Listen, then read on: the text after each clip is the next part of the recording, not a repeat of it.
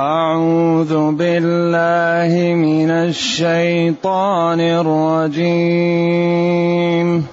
بسم الله الرحمن الرحيم. ألف لام.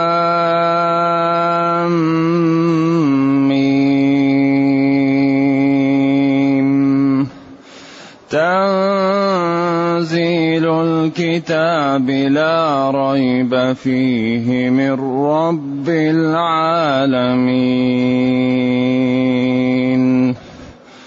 أم يقولون افتراه؟ بل هو الحق من ربك لتنذر قوما ما أتاهم من نذير من قبلك لتنذر قوما ما أتاهم من نذير من قبلك لعلهم يهتدون. الله الذي خلق السماوات والأرض وما بينهما. وما بينهما في ستة أيام ثم استوى على العرش ما لكم من دونه من ولي ولا شفيع افلا تتذكرون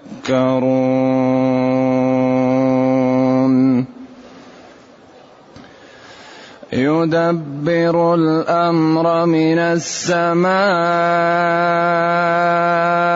إلى الأرض ثم يعرج إليه في يوم كان مقداره ألف سنة. في يوم كان مقداره ألف سنة مما تعدون. ذلك عالم الغيب والشهادة. ذلك عالم الغيب والشهادة العزيز الرحيم.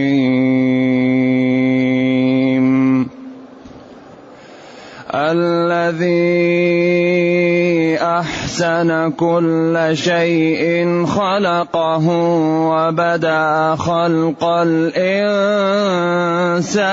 من طين.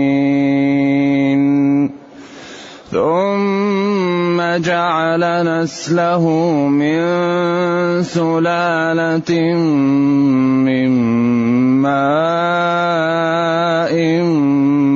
مهين. ثم سواه ونفخ فيه من روحه وجعل لكم السمع والأبصار وجعل لكم السمع والأبصار والأفئدة قليلا ما تشكرون وقالوا أإذا ضللنا في الأرض؟ وقالوا أإذا أإذا ضللنا في الأرض أإنا لفي خلق جديد؟ بل هم بلقاء ربهم كافرون قل يتوفاكم ملك الموت الذي وكل بكم قل يتوفاكم ملك الموت الذي وكل بكم ثم إلى ربكم ترجعون.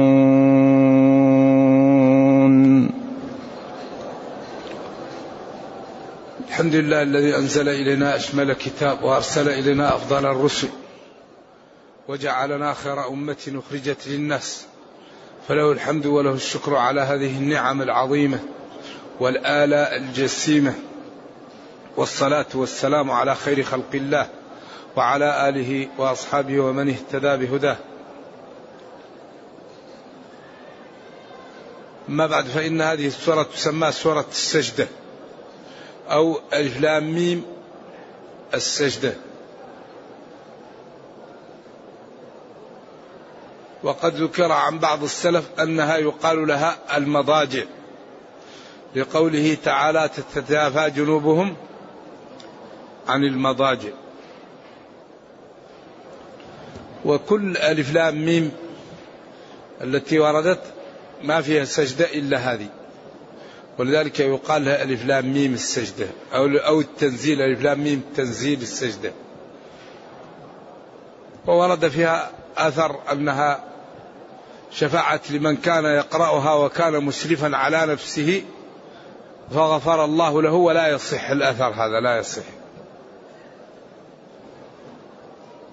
ألف لام ميم تقدمت الحروف المقطعة وتكررت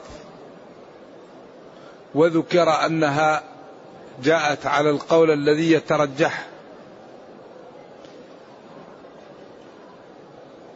فيما يظهر لنا أنها جاءت للتحدي. أن هذه الحروف أشير بها إلى إعجاز القرآن. وأنها لم تأتي للتركيب للإفهام. والقرآن بلسان عربي مبين. فألف لام ميم أو ألف لام راء هذه الحروف في هذا السياق لم تأتي لأجل أن تكون كلاما مركبا مفيدا. وإنما جاءت إشارة إلى أن قريشا أصحاب فصاحة وبلاغة وقد وصلوا في ذلك إلى منزلة لم يصلها غيرهم. وهذا كلام جاء به رجل يعرفونه بالصدق والأمانة وبالفضل وبالاستقامة. وقال لهم هذا كلام من الله. وأتى بكلام آخر وقال هذا كلام من عندي. وقال هذا واجب اتباعه وهذا واجب اتباعه وهذا معجز. وهذا الآخر بليغ لكن لا يصل إلى حد الإعجاز. أعطيت جوامع الكلم. والدليل على صدقي وعلى أني ما قلته. واقع فأتوا بمثله. هذا كلام من كلامكم مكون من الحروف ألف لام ميم. وأنتم أصحاب فصاحة وبلاغة ووصلتم في ذلك إلى مرتبة لم يصلها غيركم. فأتوا بمثله. فإن عجزتم فاعلموا أني مرسل من عند الله وأني جئتكم بشريعة. وبأحكام واجب اتباعها وبأمور حرام سلوكها وأن من لم يتبعني يوقع نفسه في الهلكة والورطة. إذا جاء هذا الآيات هذه الحروف جاءت للتحدي. هذا أقوى الأقوال وقول إنها من المتشابه. لكن هذا القول والذي يدل عليه استقراء القرآن أنه كل ما جاءت هذه الحروف في الغالب يأتي التنويه بعدها بالقرآن ألف لام ميم. تنزيل الكتاب. فيأتي التنويه بعدها بالقرآن ولذلك قال فأتوا بسورة من مثله فأتوا بسورة. ما هي تشابهه ليست هو لكن تشابهه في الجمال والفصاحة والجزالة والبلاغة والصدق وشمول العلم والإحاطة واختيار الحروف والتراكيب تشابهه إن كنتم صادقين فأتوا بمثله فإن عجزتم فاعلموا أني مرسل من عند الله وأني جئتكم بشريعة وأني أوعدت المكذب بالنار فاتقوا النار. فإن لم تفعلوا في الماضي ولن تفعلوا في المستقبل فهناك الخطر ماثل. وقد أوعدت المكذب بالنار فاتقوا النار. إذا هذا هو أقوى الأقاويل. وهناك أقوال كثيرة. ذكر كبير المفسرين منها عشرة وقال كلها جائزة في أول سورة البقرة. بن جرير الطبري في تفسيره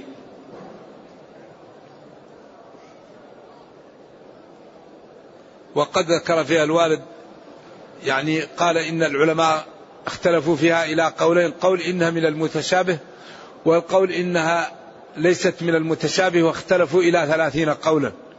أشار إلى ذلك في أول سورة هود. نعم.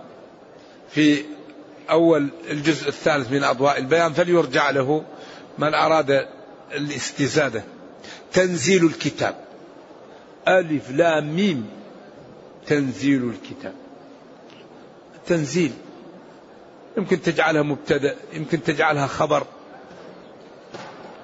هذا تنزيل الكتاب.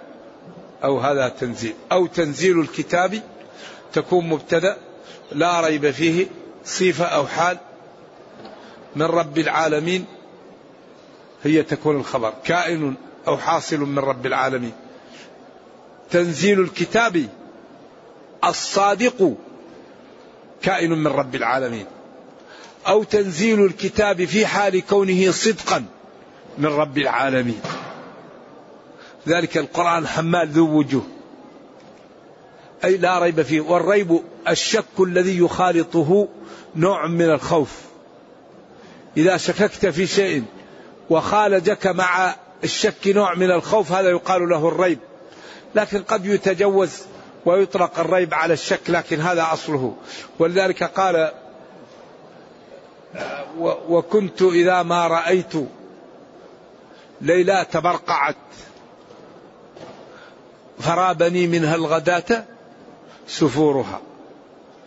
رابني شككني وخوفني. إيه؟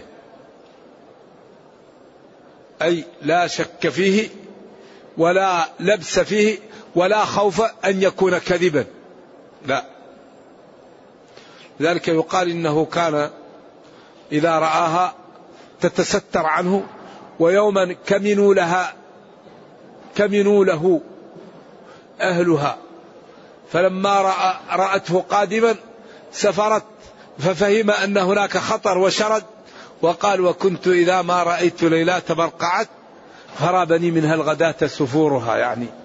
فخوفني منها الآذات كشفها عنها فعلم أن هناك الخطر وشرد ونجا. نعم. إذا الريب الشك الذي يخالطه نوع من الخوف. نعم. إذا تنزيل الكتاب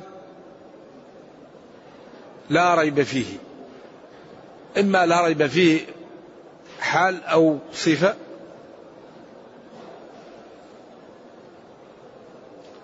كائن من رب العالمين. إذا هذا الكتاب منزل من عند الله. وهذا يعطيه قدسية ويعطيه اهتمام ويعطيه يعني عدم هجر عدم ترك من رب العالمين.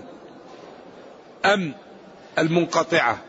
بمعنى بل وهمزة الاستفهام. هذا الكتاب لا ريب فيه من رب العالمين. بل هؤلاء قريش كفار قريش ومن معهم؟ بل أيقولون افتراه؟ بل إضراب. وهي المنقطع بمعنى بل وهمزة الاستفهام الإنكار. وبعضهم يقول بل هنا بمعنى الواو لا رب فيه من رب العالمين ويقولون افترى لكن هذا بعيد. افتراه اختلقه.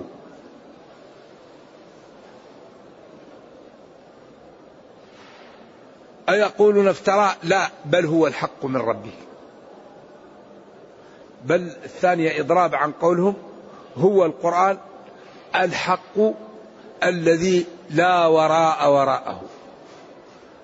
فيدعو إلى الحق والكلام الذي فيه حق وما ينهى عنه ضرره حق وما يأمر به نفعه حق وأساليبه حق وجماله حق وإعجازه حق وكله حق بل هو الحق لذلك قال لهم لكم أن يساعدكم من على وجه الأرض فأتوا بسورة من مثله واحدة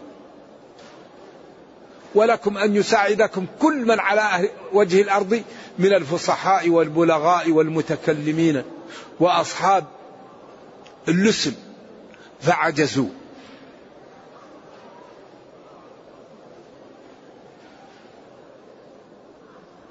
إذا الحق الذي جاء الكائن من ربك نازل من ربك لكي تنذر به قوما جماعة وهم قريش ما أتاهم لم يأتهم نذير من قبلك. وهنا وقفة يعلم أن كفار قريش أيام نزول الوحي كانوا أهل فترة. لأنه قال لتنذر قوما ما أتاهم من نذير من قبلك ولم تكن عندهم بقية نذارة. لأن الله يقول أنتم أعلم أم الله؟ والله يقول لتنذر قوما ما أتاهم من نذير من قبلك. لتنذر قوما ما أنذر آباؤهم فهم غافلون. فهذا نص صريح على أنهم كانوا أهل فترة ولم تكن عندهم بقية نذارة كما قال بعض العلماء. لتنذر قوما ما أتاهم من نذير من قبلك فهم أهل فترة. والله يقول وما كنا معذبين حتى نبعث رسولا. لعلهم يهتدون بما جئتهم به. وبما بينت لهم. اذا الله تعالى أرسلك وأعطاك هذا الكتاب لتخوف هؤلاء الذين كانوا على فترة من قبلك ليكن ذلك سببا في اتباعهم لك ونجاتهم من الوقوع في العذاب والكفر. الله الله لا غيره. الذي خلق أوجد السماوات والأرض وما بينهما في ستة أيام من أيامكم في أيوه في ستة أيام من أيامه. الذي كل يوم منها كم؟ ألف سنة ستة ألاف سنة. وقادر أن يعملهم في ساعة ولكنه أراد ذلك. لأنه أمره إذا أراد شيئا أن يقول له كن فيكون. الله قادر على أن ينفذ ما أراد. أمره إذا أراد شيئا. اتيا قالت أتينا طائعين.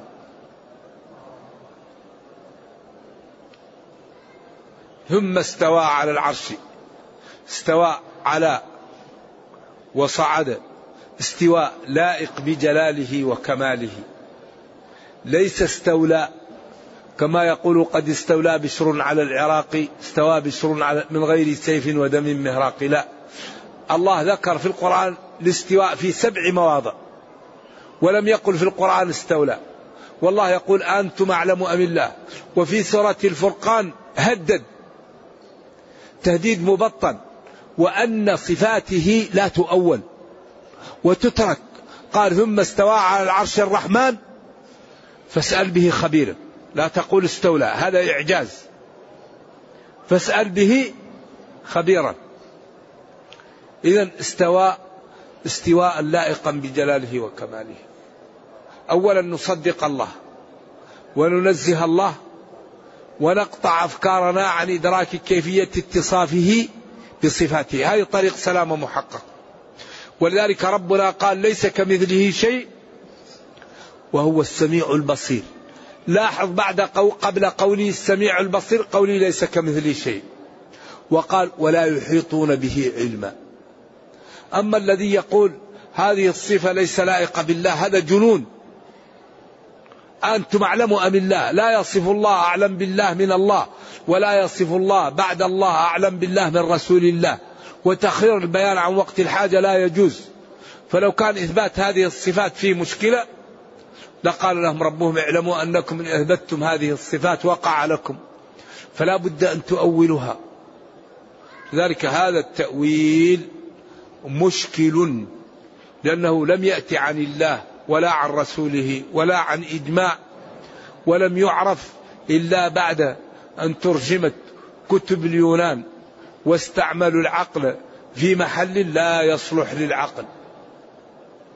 جاء أبو جعفر المنصور وبعده المأمون وترجموا كتب اليونان وقالوا نحن لا نعرف يد الله كيد المخلوق وإذا أثبتنا اليد لله شبهناها بالخلق إذا نقول القدرة. طيب المخلوق له قدرة أيضا. واستعملوا العقل في محل لا يصلح للعقل وكم من العلماء والفضلاء والشرفاء وقع في خطأ في هذا. لا يعلمه إلا الله.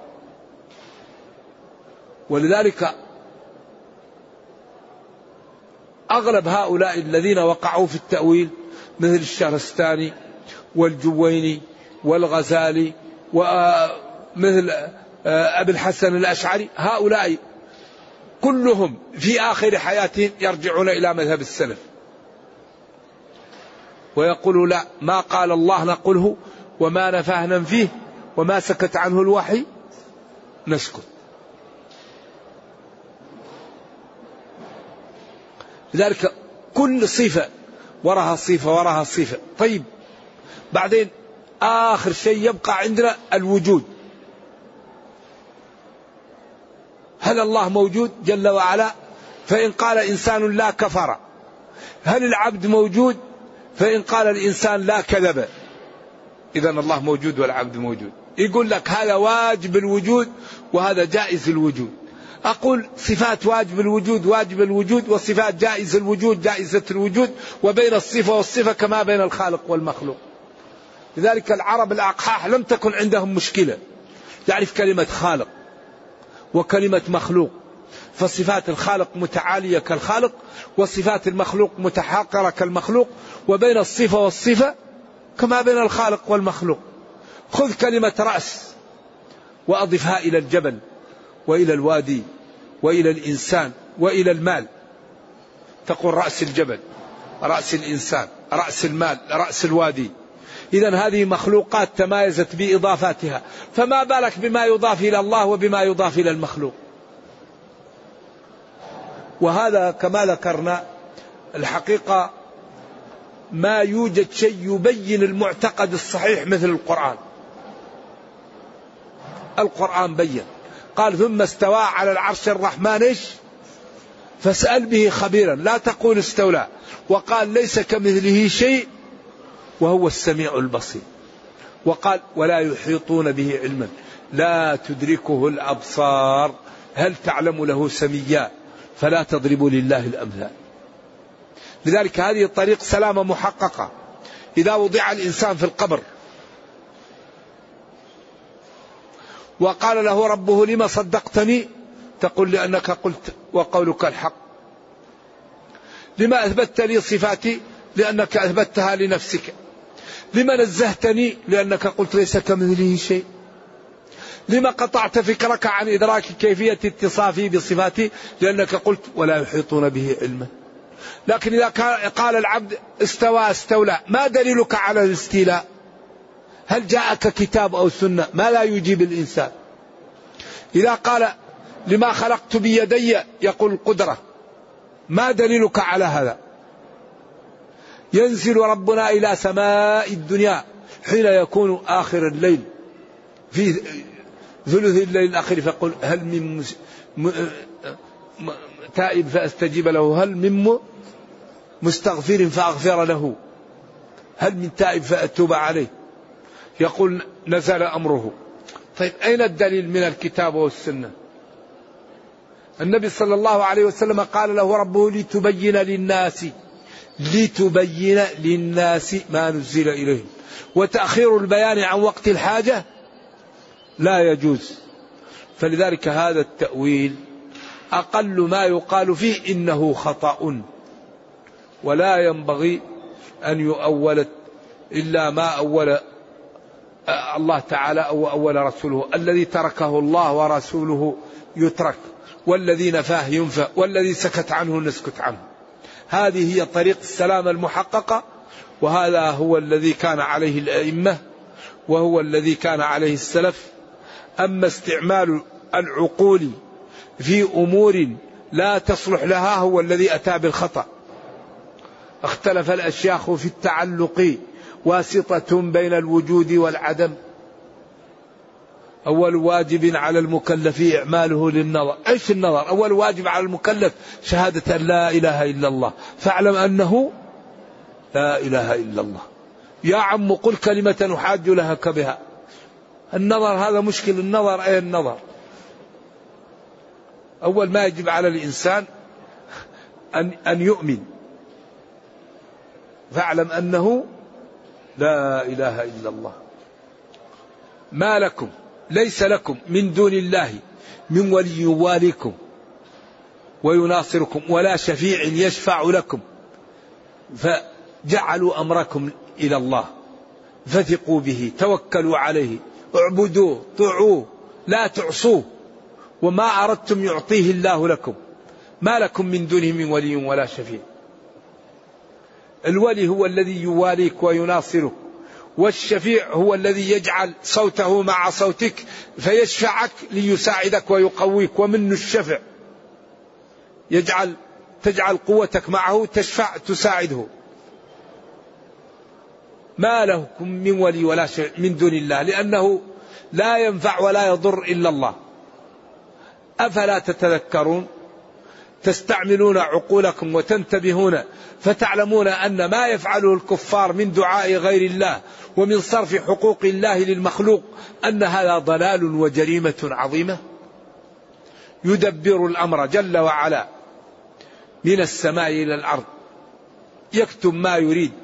فلان عمره كذا فلان رزقه كذا اليوم يرى كذا بكرة يرى كذا يحصل كذا. كل شيء مكتوب. ثم يعرج إليه في يوم. الأمور ترجع تعرج إليه وتصعد إليه في يوم كان مقداره ألف سنة مما تعدون. يعني يوم عند الله ألف سنة من أيامنا العادية. ذلك إيش؟ ذلك هو الله. ذلك هو الرب. ذلك الكبير المتعال. الذي يعلم ما ظهر وما خفي. عالم الغيب والشهادة. عالم بما غاب وعالم بما يرى وعالم بما لم يكن لو كان كيف يكون. من هذه صفاته يعصى؟ من هذه صفاته تترك أوامره؟ من هذه صفاته تنتهك نواهيه؟ يا عجبا من الإنسان. عالم الغيب والشهادة. الغيب ما غاب عنك. غدا وبعد غد. ما تعمله غدا ما تعمله بغ... ما يكون غدا.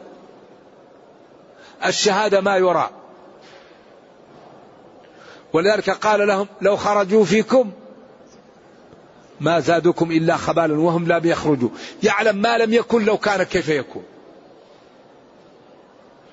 إذا النجاة بالصدق. النجاة بالاستقامة. النجاة بأن الإنسان يعرف ما الواجب يمتثل ما الحرام يجتنب. لا بد لمن يريد أن ينجو أن يعمل. أوفوا بعهدي أوفي بعهدكم. إن الله اشترى اشترى. فاستبشروا بيعكم. الذي يريد أن يأخذ الثمن والمذمون ما يحصل هذا. الذي يريد الجنة يبذل. سلعة الله غالية. يبذل. الذي يريد الجنة يبذل. يغض البصر. يكف اللسان. السمع. الشهوة. ونهى النفس عن الهوى. يصلي يصوم يتصدق يبر بوالديه. يترك الربا يترك النجش يترك الغيبة يترك النميمة. يترك المعاصي.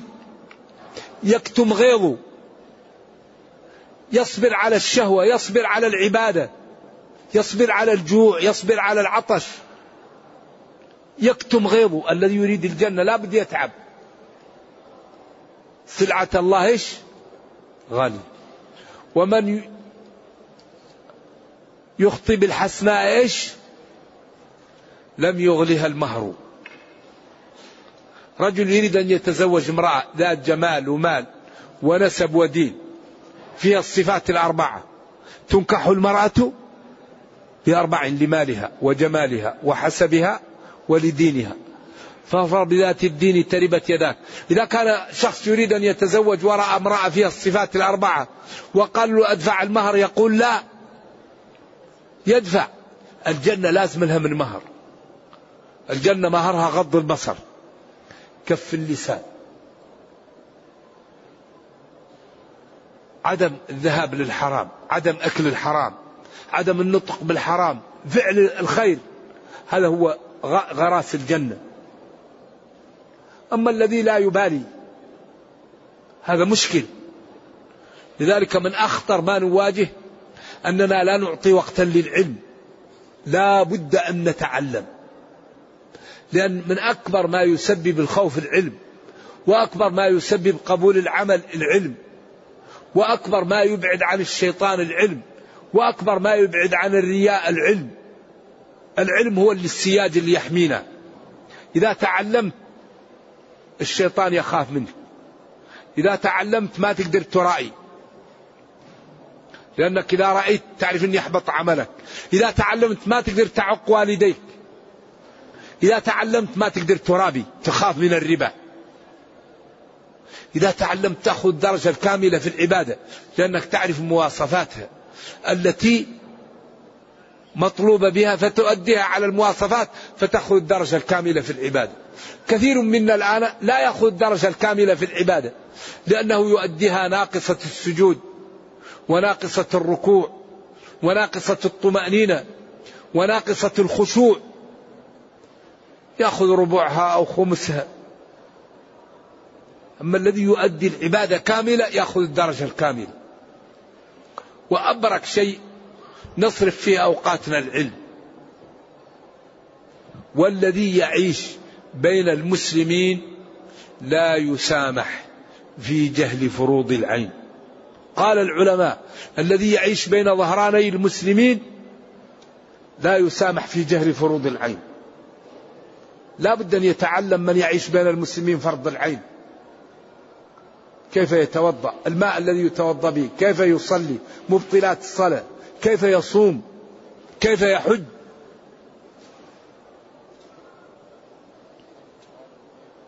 ذلك عالم الغيب والشهادة. ذلك الله. عالم ما غاب وما شهد. لا يخفى عليه شيء لا يعزب عنه شيء. العزيز الغالب الرحيم بالمؤمنين. وكان بالمؤمنين رحيما في الدنيا والآخرة. عزيز ما أراده يقع. الذي الذي أحسن كل شيء. أحسن كل شيء خلقه خلقه. أحسن كل شيء خلقه. الذي أحسن كل شيء خلقه. كل من القراءة السبعية والصحيح.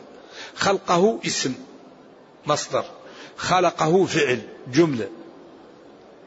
الذي أحسن كل شيء في حال خلقه له أو الذي أحسن كل شيء خلقه تكون كأنها بدل من أحسن.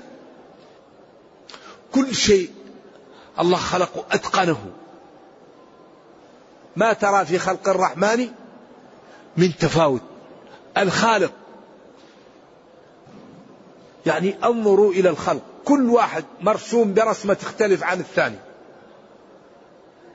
الأعين والأنف والأصابع كلها تشبه بعض من جهة ولا فيها شيء يشبه بعض. كل واحد له نوعية خلق خاص. ولذلك قال هذا خلق الله فأروني ماذا خلق الذين من دونه بل الظالمون في ضلال مبين. أفمن يخلق كمن لا يخلق يخلقكم في بطون أمهاتكم خلقا من بعد خلق في ظلمات ثلاث. ذلكم الله ربكم له الملك لا إله إلا هو. فأنا تصرفون أين تذهب عقولكم عن هذه القدرة الهائلة وعن هذا الصنع البديع؟ وبدأ خلق الإنسان من طين. بداية خلق الإنسان الملائكة أمرهم وأخذوا من الأرض من كل وصلة من الأرض جزء ثم أخذوا هذا وجعلوه طين ثم نشفوه ثم جعلوه صرصال ثم نفخ فيه وجاء آدم.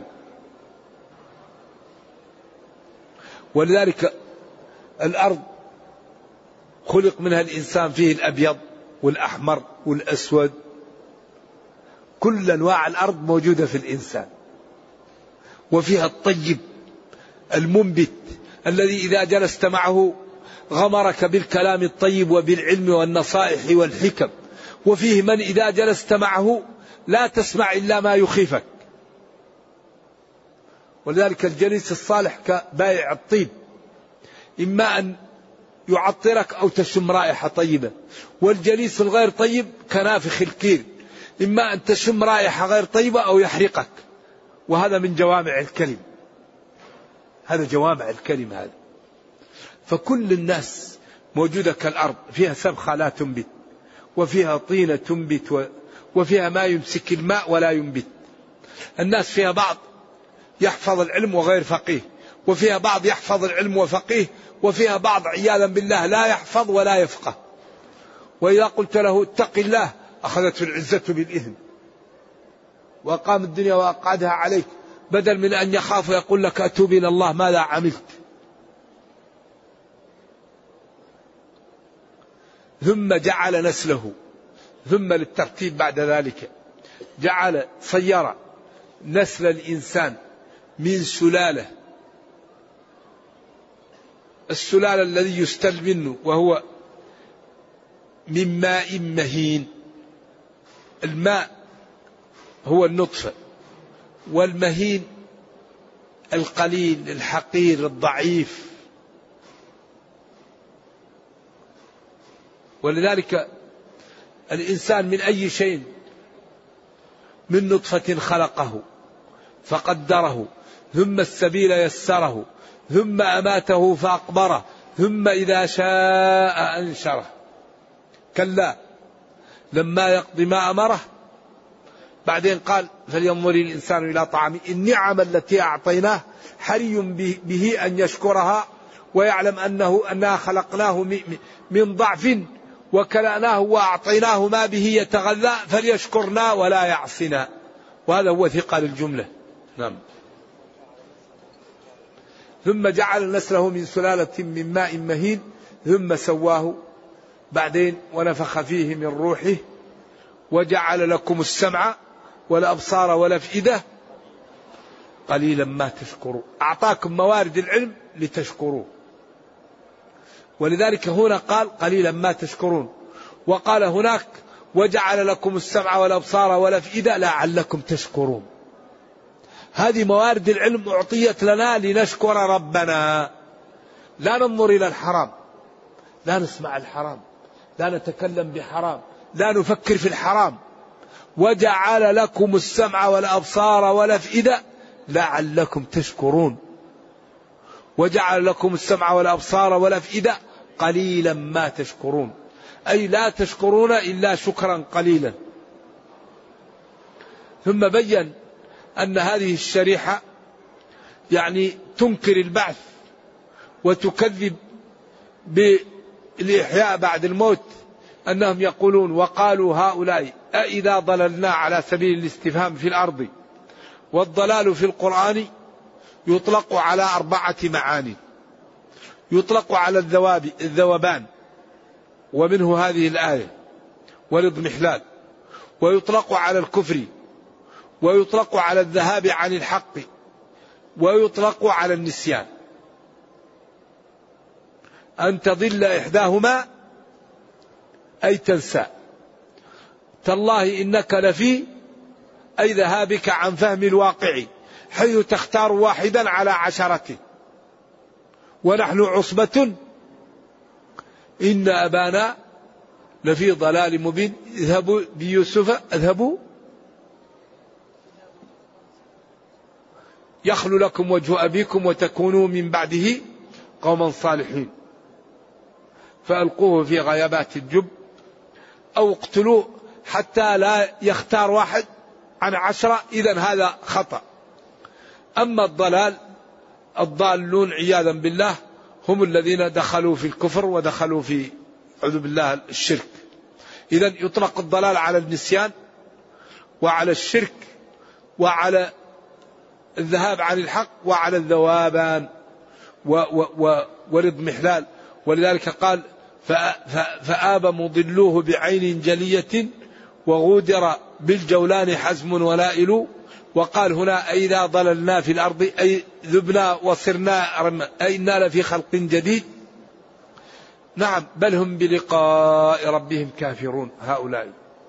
هؤلاء بلقاء الله وبالبعث كافرون. قل لهم يا نبي يتوفاكم ملك الموت. قيل اسمه إيش؟ اسمه؟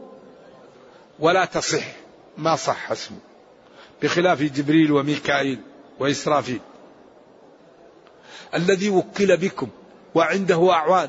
قيل الأرض كلها كأنها كالطست أمامه. إذا انتهى رزق الإنسان يأخذه. خلاص فلان انتهى رزقه.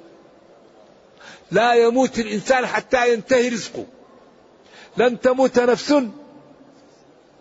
حتى تستكمل رزقها وأجلها. فاتقوا الله وأجملوا في الطلب. فكأن الأرض كلها أمامه كالطست اللي أمامه محطوطين فيه الناس. كل واحد انتهى أجله يمسكه. يأخذ روحه بعدين يسلمها للملائكة. إن كان طيب يرفعوه وإن كان بطال ينزلوا به. نرجو الله السلام والعافية. ثم إلى ربكم يوم القيامة ترجعون. أي يوم القيامة ترجعون ويجازي كلا بعمله ولذلك هذا ثقة للجملة هنا. ترجعون هذه هذا الرجوع هو اللي ينبغي كل واحد يحسب له الحساب. ثم إلى ربكم ترجعون.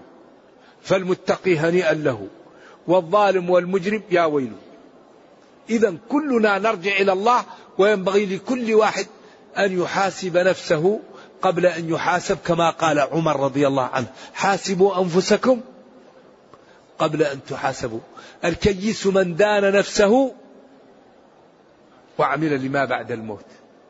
والله لا عذر لنا بعد هذا البيان وبعد هذا الكتاب. نرجو الله جل وعلا أن يرينا الحق حقا ويرزقنا اتباعه وأن يرينا الباطل باطلا ويرزقنا اجتنابه وأن لا يجعل الأمر ملتبسا علينا فنضل. اللهم ربنا أتنا في الدنيا حسنة وفي الآخرة حسنة وقنا عذاب النار. اللهم اختم بالسعادة آجالنا واقرم بالعافية غدونا وآصالنا واجعل إلى جنتك مصيرنا ومآلنا أرحم الراحمين. سبحان ربك رب العزة عما يصفون وسلام على المرسلين والحمد لله رب العالمين وصلى الله وسلم وبارك على نبينا محمد وعلى آله وصحبه والسلام عليكم ورحمة الله وبركاته.